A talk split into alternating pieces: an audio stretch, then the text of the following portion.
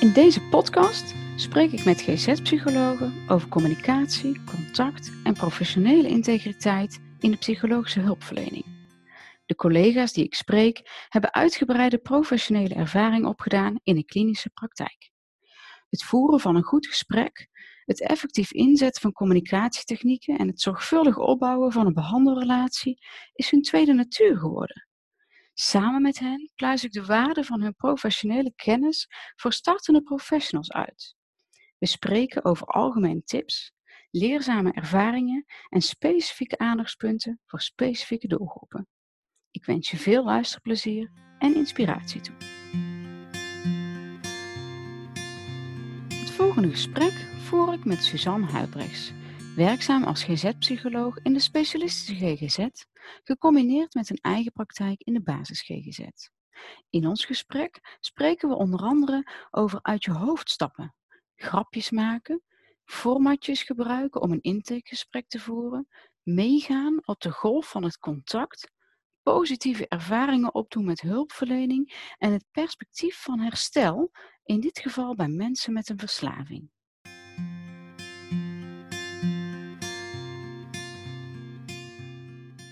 En ik ben om te beginnen op zoek naar wat ehm, hele basic tips, waar je misschien al bijna niet eens meer van bewust bent, maar echt de meest basic tips die je elke psycholoog in opleiding zou willen aanraden.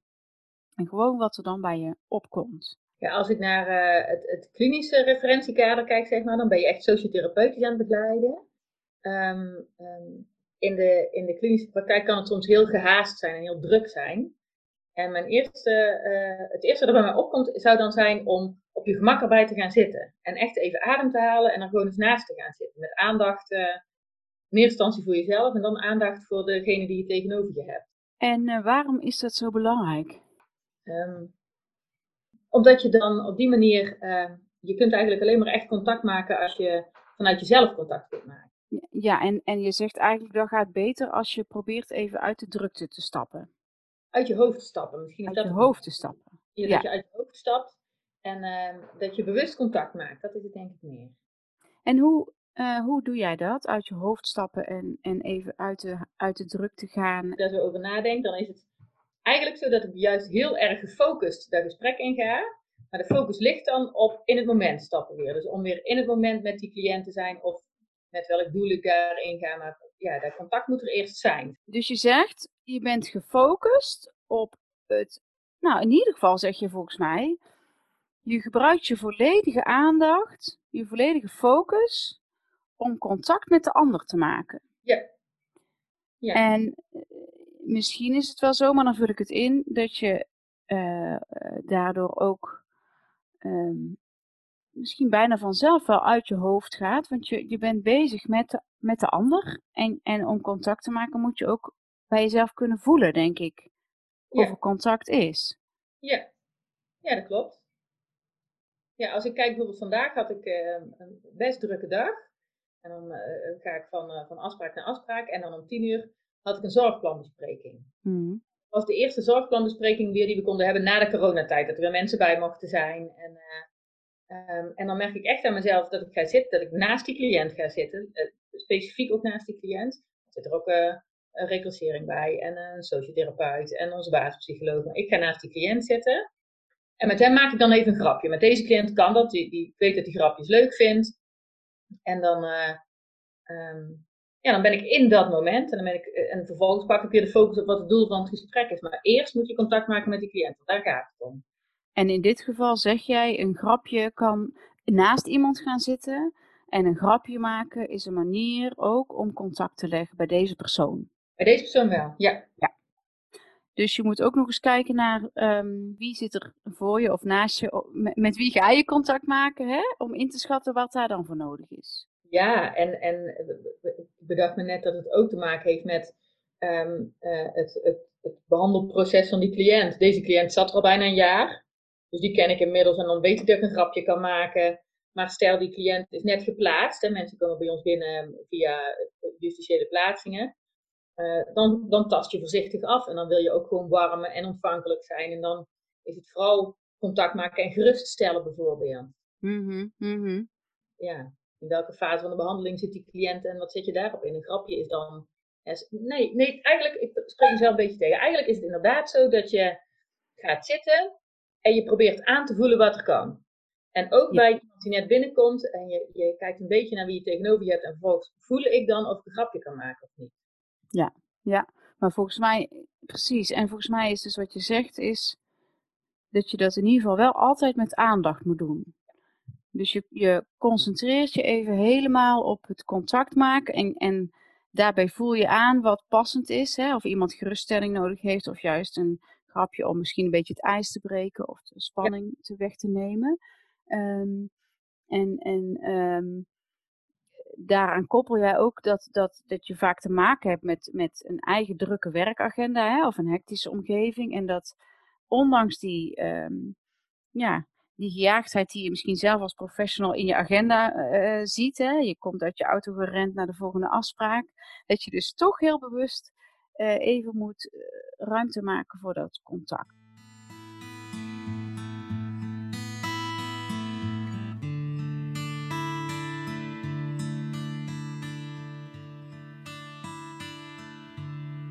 Het tweede is dat ik aan, aan iedereen, aan al mijn gasten vraag om eens een uh, leerzame blunder uh, te delen. Waarvan je denkt, nou, dat is me wel eens gebeurd en dat zou ik nou eens willen delen, uh, omdat andere mensen daar iets van kunnen leren.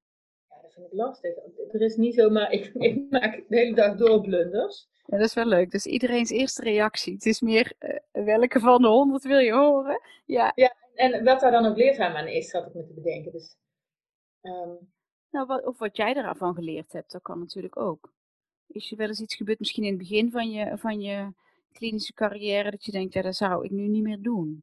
Ja, precies. Daar was ik ook aan aan het denken. Dus toen ik net um, op de crisisafdelingen begon, um, was ik en nog gewoon heel erg jong. Ik bedoel, daar kun je dan niet zo heel veel aan doen.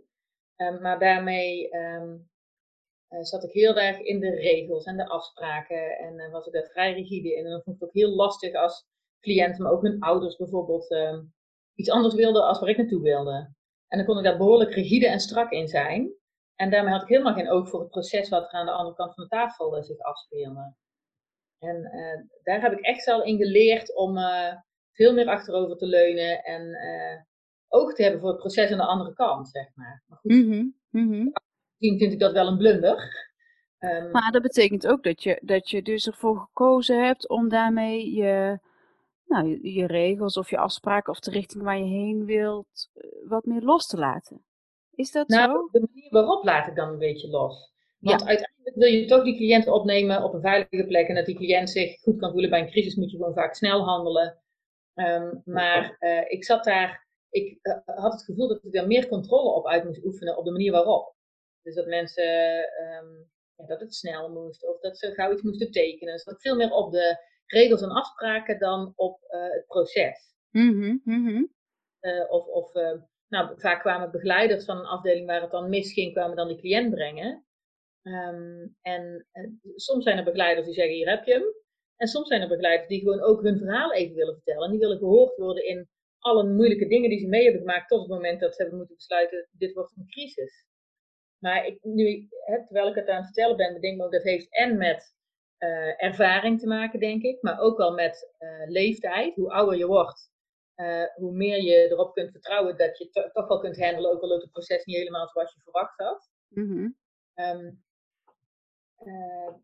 nou ja, dus of dat dan een blunder is, achteraf gezien had ik dat graag eerder anders willen doen. Ja, maar is het erg als je in het begin zo start? Nee, helemaal niet. Dus daarom daarom benoem ik dat ook. Hè, van ja, dat, eigenlijk moet je daarvoor en ouder worden en gewoon meer ervaring hebben. Ja, ja en, en um, komt het dan uiteindelijk toch nog, die regels en die afspraken, komen die, zeg je dan, ja, eigenlijk zijn die er dan ook niet meer echt? Of is het meer, daar kom je dan toch wel aan toe, maar um, ik doe eerst andere dingen? Dat laatste. Je gaat een beetje freewheelen, zeg maar. Van kijken, je, je gaat een beetje mee op de golf van, de, van, het, ook weer van het contact. En er gebeurt iets in die kamer en ik heb op een gegeven moment in mijn hoofd zitten, dit en dit moeten we allemaal besproken hebben, of moeten we afgetikt hebben. En wanneer het kantje zich voordoet, neem je het weer mee. Het is misschien een ander voorbeeld in de verslavingszorg waar ik nu werk. Um, ik doe al een aantal jaren uh, intakes. En ehm, we hebben nu een paar basispsychologen net afgestudeerd. En ehm, die beginnen net met intakes. En die hebben dus, die hebben dus ook nog nooit intakes gedaan. En door dan naast elkaar te zitten, en zij hebben het formatje naast zich liggen, en ik freewheel daar een beetje doorheen, realiseer ik me weer dat het dus te maken heeft met dat je eerst misschien gewoon een jaar heel droog standaard die uh, kopjes af moet werken, om die kopjes in je rugzak te krijgen. Ja. Vervolgens erop te kunnen gaan vertrouwen, hey, ik kom toch wel achter de informatie, want ik weet welke kopjes ik uit moet vragen. Ja, ja, ja. Ja, dat is wel mooi. En eigenlijk, eh, misschien is het dan geen blunder, maar is het meer een groeiproces wat je dan gemerkt hebt. Hè? En, en um, is het ook, is die, zijn die kopjes, die zijn in het begin ook wel een fijne houvast. Want ja, waar moet je anders uh, in gaan freewheelen? denk ik zelf, toch? Wat zeg je? Ik denk dat het zelfs een noodzakelijke houvast is in het begin. Ja, precies. Eerst weten wat de standaard is om daarna te kunnen weten waar je vanaf wijkt. Ja, ja, ja. En dan is het denk ik wel zo dat je ook zegt van ja, kijk, op het moment dat het eigenlijk allemaal wel in je hoofd of in je rugzak zit, dan kun je er ook wel wat meer gaan loslaten. En dan moet je er eigenlijk ook wat meer gaan loslaten, zodat je weer wat meer ruimte krijgt om uh, oog te hebben voor het proces. Het proces en dus ook eigenlijk weer het contact. Kom je toch weer terug op het contact. Ja, precies.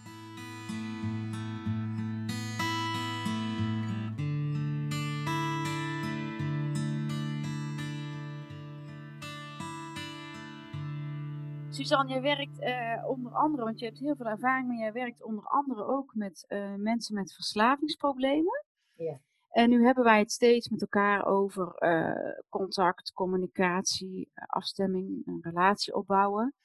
Zijn er specifieke tips um, in dit thema wanneer je met deze doelgroep werkt?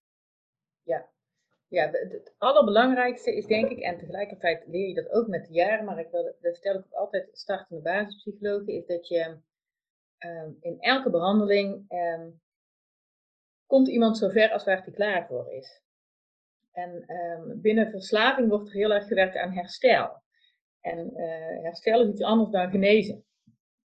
Die tv-programma's die nodigen heel erg uit tot denken van, goh, dan komt een interventie, dan gaan ze naar Afrika, dan zijn ze terug en dan drinken ze nooit meer.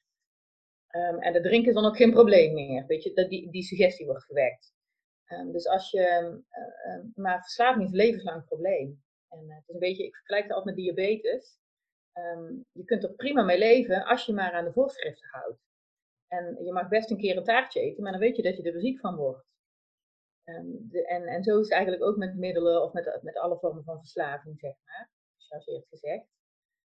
en wat je vaak ziet in het begin is dat je van mensen in behandeling hebt. En uh, um, die sluiten dan na een maand of drie of vier sluit je de behandeling af. En die zijn abstinent geraakt. Maar die gaan bijvoorbeeld niet naar meetings. Of die uh, denken nog wel dat ze recreatief een biertje kunnen drinken. Um, en dan ga je afsluiten. En dan zeggen mensen van ja, maar die gaat nog terugvallen. En eigenlijk is, hij niet, is, heeft niet, is er niet heel veel mee opgeschoten. Dat is dan een beetje het idee als je nog vanuit genezing denkt. Terwijl je dan ook, ja, weet je, iemand moet misschien nog vijf keer terugvallen. En dat hoort gewoon ook bij, bij, bij het proces van herstel van verslaving. Uh, en daarnaast heb je waarschijnlijk, hopelijk, uh, iemand in ieder geval een hele uh, um, positieve ervaring met hulpverlening laten hebben. En dat alleen is al 80% winst. iemand die, die voor het eerst in behandeling komt met verslaving, heeft al zoveel meegemaakt. En als hij dan de stap zet om hulpverlening in te stappen en na drie maanden abstinent kan zijn en ook niet meer uh, uh, bang is om om hulp te roepen, dan heeft hij gewoon de ervaring, weet je, als ik ooit terug, ik hoop niet dat ik terugval, maar als ik terugval, kan ik, heb ik en tools in mijn rugzak, maar kan ik altijd naar hulpverlening, want die is er ook voor mij.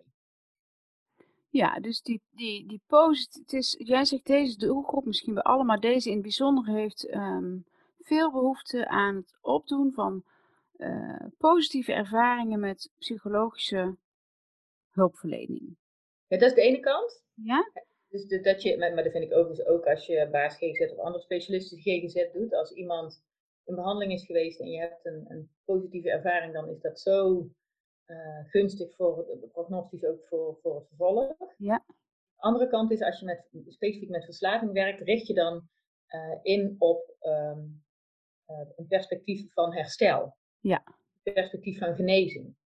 En herstel betekent dat terugvallen bij hoort, dat je ehm, ja, dat de een weer andere risico's neemt dan de ander. En ehm, ja, dat sommige mensen wel vijf, zes keer terugvallen of dat ze nog, nog drie keer in behandeling komen. Ja. En, en dat, dat, dat een stap kan zijn. Ja. Ja. ja. Maar je begon ook nog met, je kan iemand niet verder helpen dan die zelf is. Ja. En ehm, kan je daar wat meer over vertellen? Nou, als ik dan hetzelfde voorbeeld neem van een cliënt die uh, de, de, de, de, protocollen en de adviezen uh, rondom de behandeling van, ik noem maar, uh, cocaïneverslaving, zijn, um, als je dan naar het sociale model kijkt, zeg maar, breek met je gebruikersvrienden.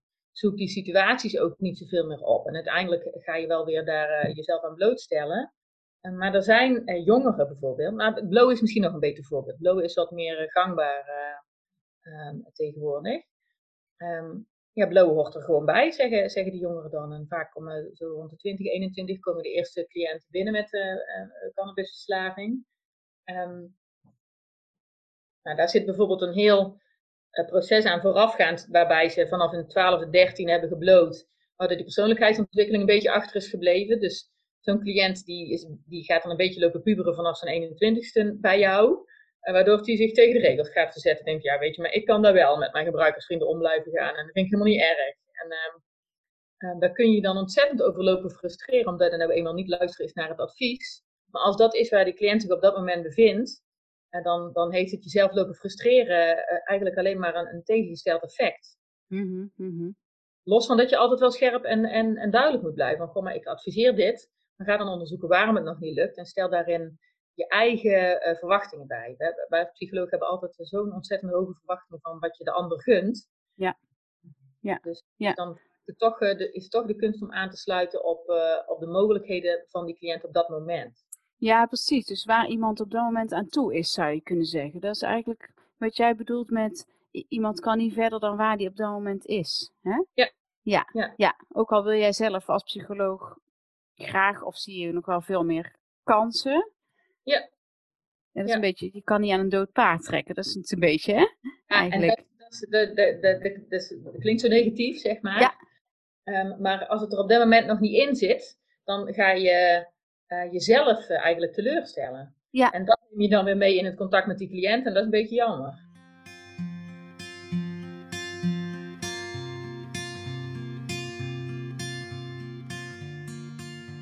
Ben je enthousiast over deze aflevering? Laat dan een review achter of deel je enthousiasme op social media. Dit helpt om andere studenten en startende professionals te informeren en maakt de podcast beter vindbaar. Deze podcast werd gemaakt door Wietske van Oorsouw, dat ben ik dus, met ondersteuning van mijn werkgever Tilburg University. In de bewerking werd ik enorm geholpen door Dore de Smit en Hilke van Nassau. De muzikale begeleiding werd, met grote dank, mogelijk gemaakt door Linda Zelmans. Tot slot dank ik uiteraard de professionals die ik gesproken heb voor het delen van hun ervaringen en het voorleven van een toegankelijke, kwetsbare en tegelijkertijd professionele houding.